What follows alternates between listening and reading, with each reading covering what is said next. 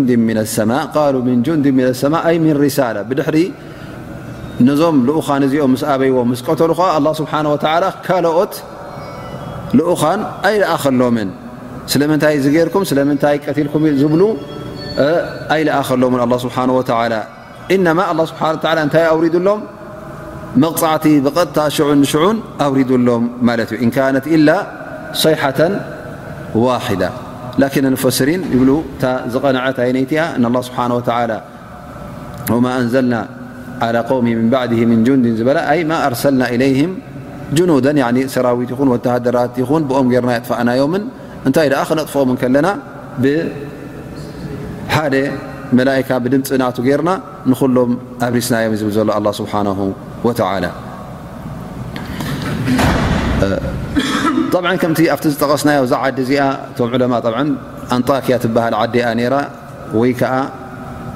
እቶም ተላእኩኸ ልኡኽ ናይ ዒሳ ድዮም ነይሮም ልኡኻን ናይ ዒሳ ድዮም ነይሮም ወይስ ልኡኻን ናይ ኣላ ስብሓን ወተዓላ ጠብዓ ኣብዚ ዑለማ ክልተ ዘረባ ወይ ከዓ ክልተ ቃል ስለ ዘሎ ነዛ ጉዳይ እዚኣ እብኒ ከር እዞም ልኡኻን እዚኦም ልኡኻን ናይ ኣላ ስብሓን ወተዓላ ከም ዝነበሩ ልኡኻን ናይ ዒሳ ኣይኮኑን ነይሮም ዝብል ከምኡውን እዛ ነገር እዚኣ ክብል እንከለኹ መርትዖታት ኣለኒ ኢሉ ይጠቅስ ማለት እዩ። ቀዳመይቲ እታ ዝጠቐሳ ይብል እዛ ዛንታ እዚኣ እንተ ርኢናያ ኣላ ስብሓን ወተዓላ ክነግረና እንከሎ እዞም ሰባት እዚኦም ንሕና ካብ ዒሳ ተለኣኽና ኢና ዝብል መልእኽቲ ኣይተዛረቡን እንታይ ደኣ እሶም ልኡካን ከም ምዃኖም እዮም ጠቒሶም ከምኡ ውን እቲ መልሲ ናይቶም ሰባት እንታይ ነይሩ ኢን ኣንቱም ኢላ በሸሩን ኢሎም ምሉና ፈለው ካኑ ልኡኻን ናይ ዒሳ ነሮም ዝኾኑ ከምዚ ኢሎም ኣይመለስሎም ኣ ኣሰን ሰብ ዝለኣኾ እንታይ ክኸውን ሰብ ክኸውን እዩ ፈዘን ላኪን ብጎይታ ዝመፅእ ፍልይ ዝበለ ክኸውን ኣለዎ ዝብል እዩ ዘረብኦም ነሩ ፈዘን ሪሳላ ናቶም ኣላ ስብሓን ወተላ ክልእከም ከሎ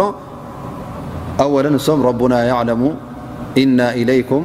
ለሙርሰሉን ኢሎም ተዛሪቦም ማለት እዩ እቲኦም እውን ክምልስሎም ከለዉ እቲ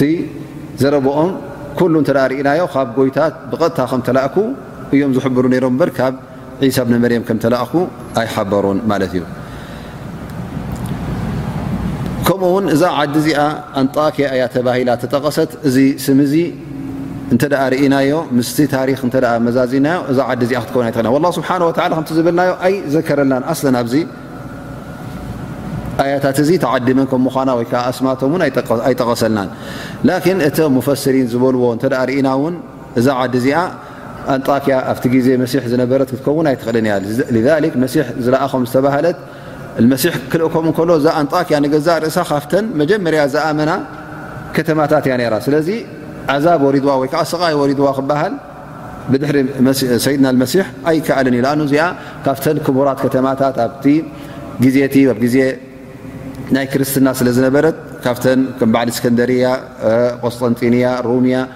ሮማ ማለት እዩ ከምኡ ውን እዛ ዓዲ እዚኣ ተ ኣርባዕተ ከተማታት ውሩያትን ቅዱሳትን ዝነበራ እየን ነረን ስለዚ ዝወረዳ መቕፃዕቲ ይነበራን ምኽንያቱ እቶም ቀዳሞት ብዒሳ ዝኣመነት ከተማ እዚኣ ስለ ዝነበረት ስለዚ ከመይ ገይሩ ወሪድዎም መቕፃዕትን ኩሎም በሪሶም እንብሎ እዚ ነገር እዚ ክኸውን ኣይክእልን ይብል ማለት እዩ ከምኡውን እዛ ዛንታ እዚኣ ብድሕሪ ናይ መሲሕ እተ ነሩ ኮይኑ ናይ ዒሳ ብ መርም ሩ ተዝኸውን እዚ መልእኽቲ እ ወይ ከዓ እዞም ልኡኻን እዚኦም ካብ ዒሳ ተላኢኾም ነሮም ተዝኾኑ ይብል ኣንጣኪያ ንገዛእ ርእሳ እተ ርእናዮ ብድሕሪ ተውራት ኣላ ስብሓን ወተላ ንዝኾነት ከተማ ዕምበክረቲ ኣብሃ ብምሉኣ ንጥፍኣት ዘጥፍኣ ዓዲ የላን ስለዚ ከመይ ጌርና እዛ ዓዲ እዚኣ ጠፊእ ላኪን ኢሎም ሕጂ እንተ እዚ ታሪክ እዚ ሓቂ እተ ክኸውን ኮይኑ ምናልባሽ ሓደ ሓደ ግዜ ኣስማት ናይ ከተማታት ትደጋገም እዩ ኣንጣኪያ ተባህለት ካልእ ቦታ ኣብ ካልእ ሃገር እተ ኣላ ኮይና እዚ ምናልባሽ ናይ ሽም ሓደ ዓይነት ስም ወሪዶ ላኪን እታ ኣንጣኪያ ብ ግዜ መሲሕ ዒሳ ብንመርየም ዝነበረት ንሳ ኣይኮነትን ኢሉ ነታ ጉዳይ እንታይ ገብራ ኣሎ ማለት እዩ እቲ ቁኑዕ እዛ ዓዲ እዚኣ ኣንጣኪያ ከም ዘይነበረት እቶም ልኡኻን እውን ልኡኻን ናይ ዒሳ ብኒ መርየም ኣይኮኑን ነይሮም እንታይ ደኣ ልኡኻን ናይ መን ናይ ኣላ ስብሓንሁ ወተላ ሩሱልላ ከም ዝነበሩ እዚ የብርሃልና ብል ማለት እዩ ፈዘን እዚ ከም መደምደምታ እብኒ ከቲር ራሒማሁ ላ ጠቒስዎ ማለት እዩ ማ የቁል ስብሓን ወተላ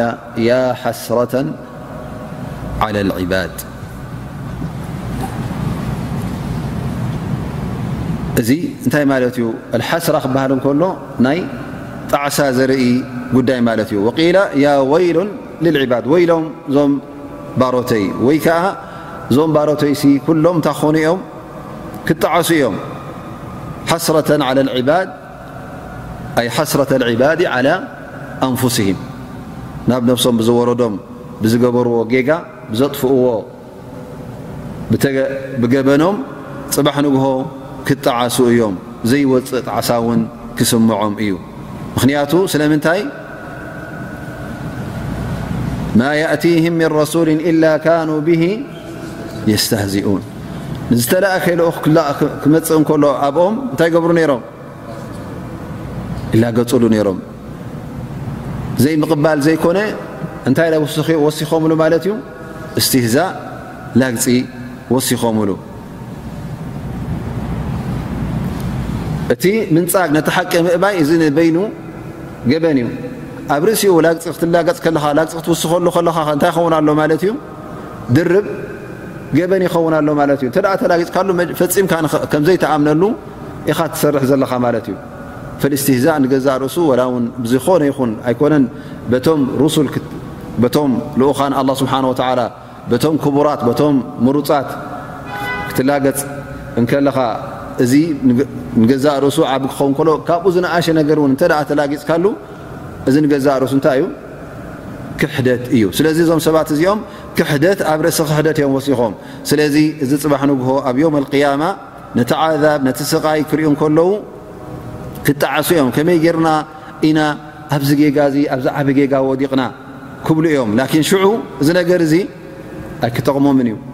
ላኪን ሓስራ ክስምዖም እዩ ዓብ ጣዕሳ ክስምዖም እዩ ክምትር ኢሎም ክጠዓሱ እዮም ነቲ ትእዛዝ ኣላ ስብሓን ወተዓላ ስለ ዝነፀጉ ብድሕሪ እዚ እውን ኣላ ስብሓን ወተዓላ እቲ ገለ ሙሽርኪን ዝኣምኑሉ ዘይከውን እምነት እዛ ኣዱንያ እዚኣ ሰብ ክመውት እንከሎ እተደጋገመ ሞት እዩ ዘሎ ወይ ከዓ እቲ መንፈሳት እውን እናተደጋገመ እዩ ዝመፅእ እምበረይ ናይ መጨረሻ ዓለም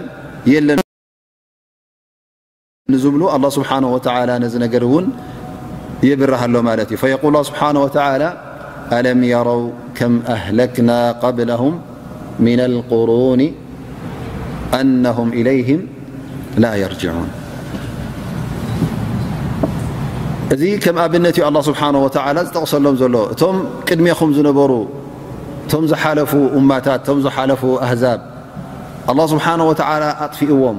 እሞ እዞም ዘጥፍኦምከ ተመሊሶም ድዮም? ጠብዓ ገለ ሰባት እንታይ ኣሎ እንታይ ይበሃል ብቋንቋ ዓረብ ተናስኾል ኣርዋህ እቲ ክመውት እንከሎ ፅባሕ ንግሆ ካልእ ኮይኑ ክፍጠር እዩ ስለዚ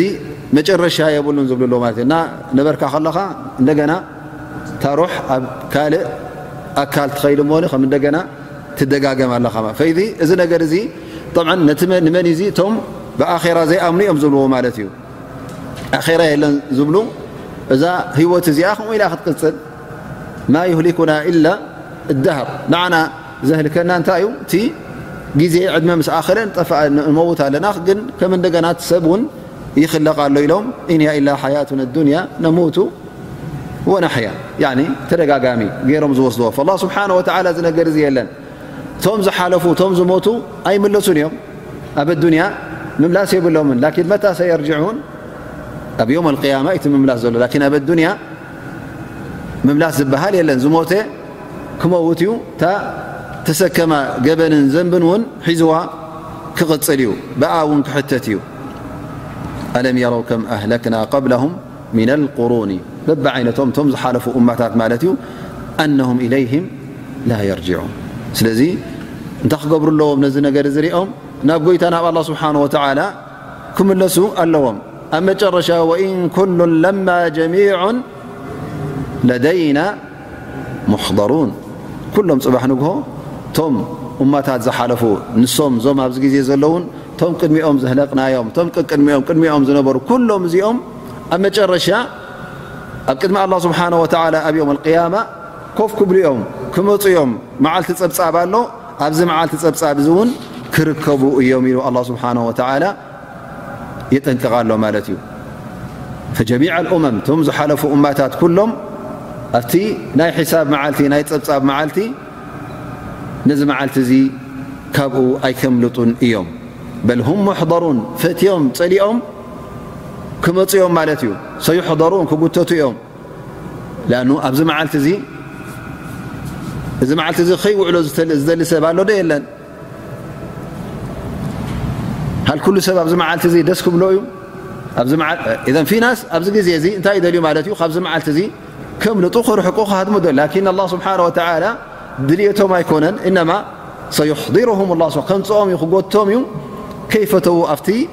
ቤት ፍርዲ ክቐርቡ እዮም ማለት እዩ ኣብ ቅድሚ ኣላ ስብሓን ወተዓላ ንክፍረዱ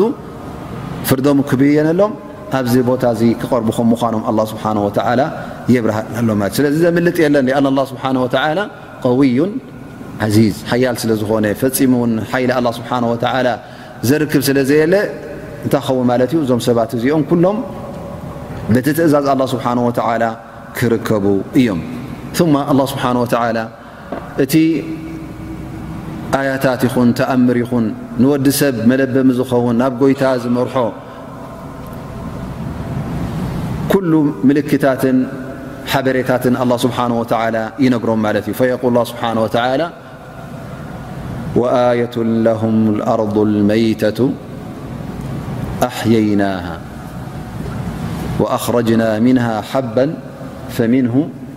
ያእኩሉን እዚ ንገዛእ ርእሱ ብዓይንኻ ትሪኦ ዘለኻ ማለት እዩ መዓልታዊ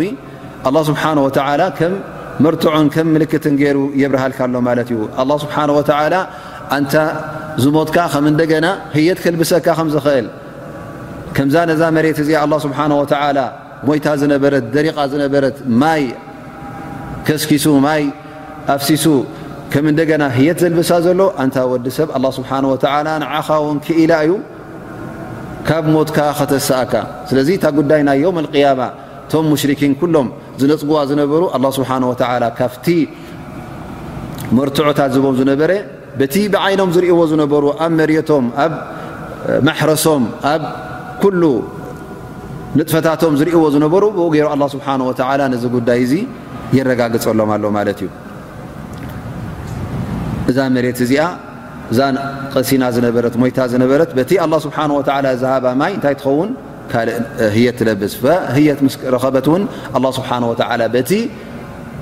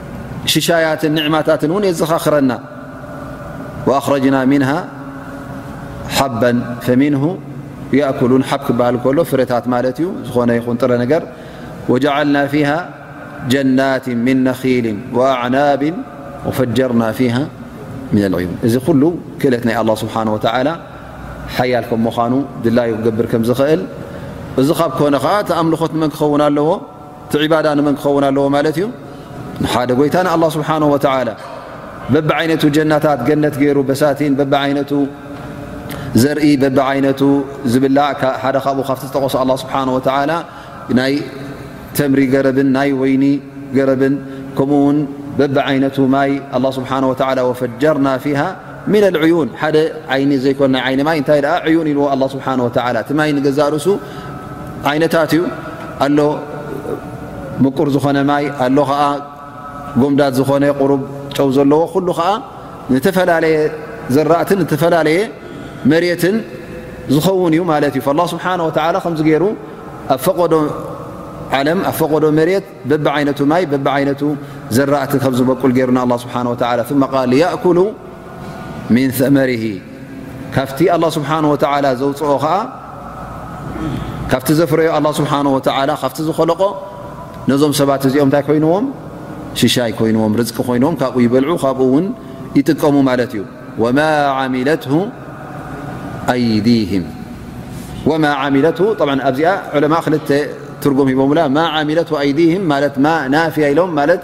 እዚ ነገር እዚ ኢዶም ዘእተውሉ ኣይኮነን ምክንያቱ እቲ ዘራእትን ፍርያትን ክትሪኦ ከለካ ኣላ ስብሓን ወተላ ብማይ ኣውሪዱ ብማይ ዘብቆሎ ይኸውን ማለት እዩ ወላ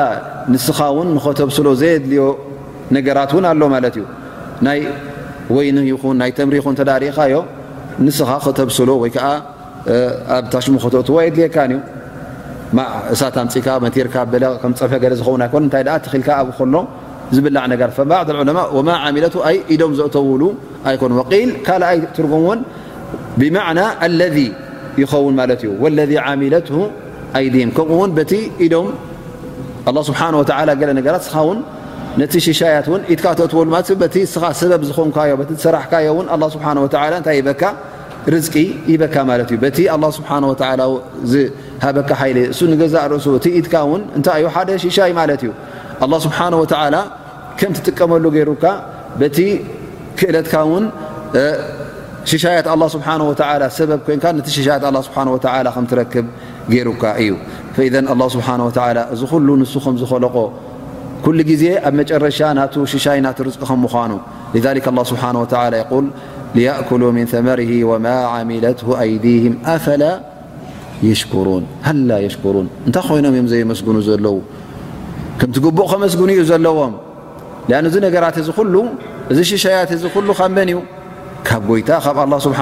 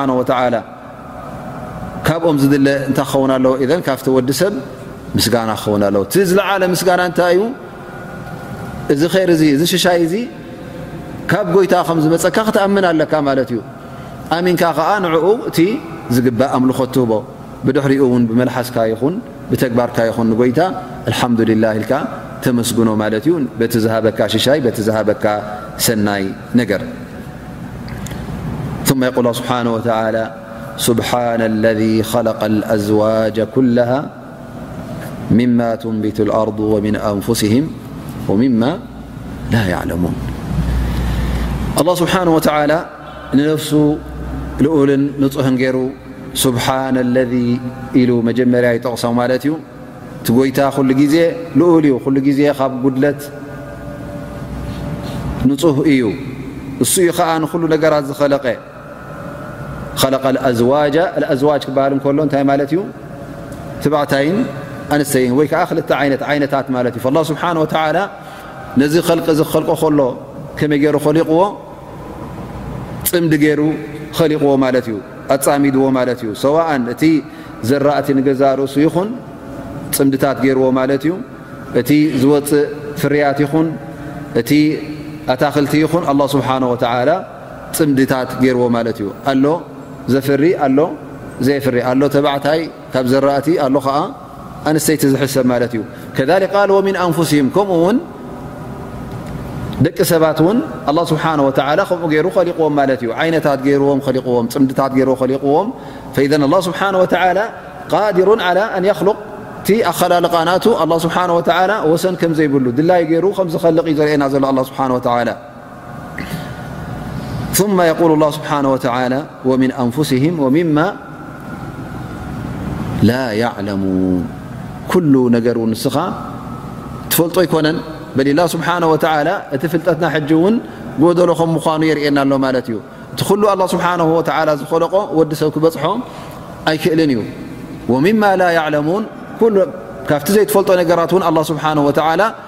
በብዓይነቱ ገይሩ ፅምድታት ገይሩ እውን ኸሊቕዎ ማለት እዩ ወምን ኩሉ ሸይእ ኸለቕና ዘውጀይን ላዓለኩም ተዘከሩን ከም መዘኻኸሪ ክኾነካ ከም መፍለጢ ክኾነካ ክእለት ናይ ኣላ ስብሓን ወተዓላ ትዕዘበሉን ክእለት ናይ ኣላ ስብሓን ወተዓላ ትመምየሉን ትለልየሉን ኣላ ስብሓን ወተዓላ ንክኸውን ከምዚ ገይሩ ኸሊቕዎ ማለት እዩ ስለዚ እስኻ ኣንታ ወዲ ሰበቲ ኣላ ስብሓን ወተዓላ ሂቡካ ዘሎ ኣእምሮ ነቲ ፍጥረት ኣላ ስብሓን ወተዓላ ጥራይ ርኢኻ ንኡ ክትዕዘብ እንከለኻ ንኡ ክትምልከት እንከለኻ እዚ ነገር እዚ እኹል ይንዓኻ ከዘኻኽረካ ናብ ጎይታ ንኽመልሰካ ናብ ሓቂ ንኽመልሰካ እኹል መርትዖን እኹል ጭብጠትን እዩ ዝብለካ ዘሎ ኣላ ስብሓን ወተዓላ ከምኡ ውን ኣላ ስብሓን ወተዓላ እቲ ኣያታት እናደጋገመ የዘኻኽር ኣሎ ማለት እዩ። እቲ ትሪኦ ዘለኻ እቲ ትነብሮ ዘለኻ ኣብዛ ኣዱንያ ብዓይንኻ ትሪኦ ዘለኻ ፈየዝኩሩ ላህ ስብሓነ ወተዓላ ጉዳይ ናይ ለይትን መዓልትን ጉዳይ ናይ ፀሓይን ወርሕን ከዋኽብትን እዚ ነገራት እዚ መን እዩ መዚኑ ብቐይዲ ከም ዝቕጽል፣ ከም ዝበርህ፣ ከም ዝጸልምት ገይርዎ ዘሎ። ስለምንታይ ዘይተሓዋወስ ለይቲ ምስ መዓልቲ? ስለምንታይ ኩሉ ግዜ ብመስርዕ ዝኸይ ዘሎ? መን እዩ ከምዚ ገይሩ ሰሪዕዎ ዘሎ? ፈጣሪ ስለ ዘሎ ድዩ ወይስ ባዕሉ ዩ ከምኡ ባዕሉ እታ ፀሓይ ባዕላ እታ ወርሒ ባዕላ እቲ ለይቲ ባዕሉ እቲ መዓልቲ ባዕሉ ይመፅእ ኣሎ ወይስ ነዚ ነገር እዚ ዝቐየዶ ኣሎ?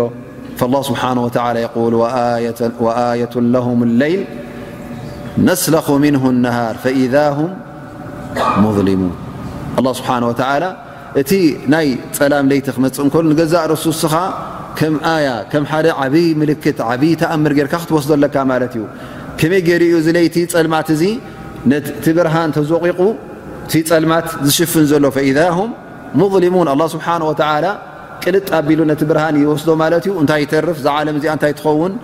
ትፅልምት ፀልማት ትኸውን ማለት እዩ እዚ ናይ መን ክእለት እዩ ናይ ጎይታ ናይ ኣላ ስብሓናሁ ወተላ ከምኡ ውን እታ ፀሓይ ትሪያ ኣለኻ እታ ብርሃን መዓልቲ ትበካ ወሸምሱ ተጅሪ ሙስተቀሪን ለሃ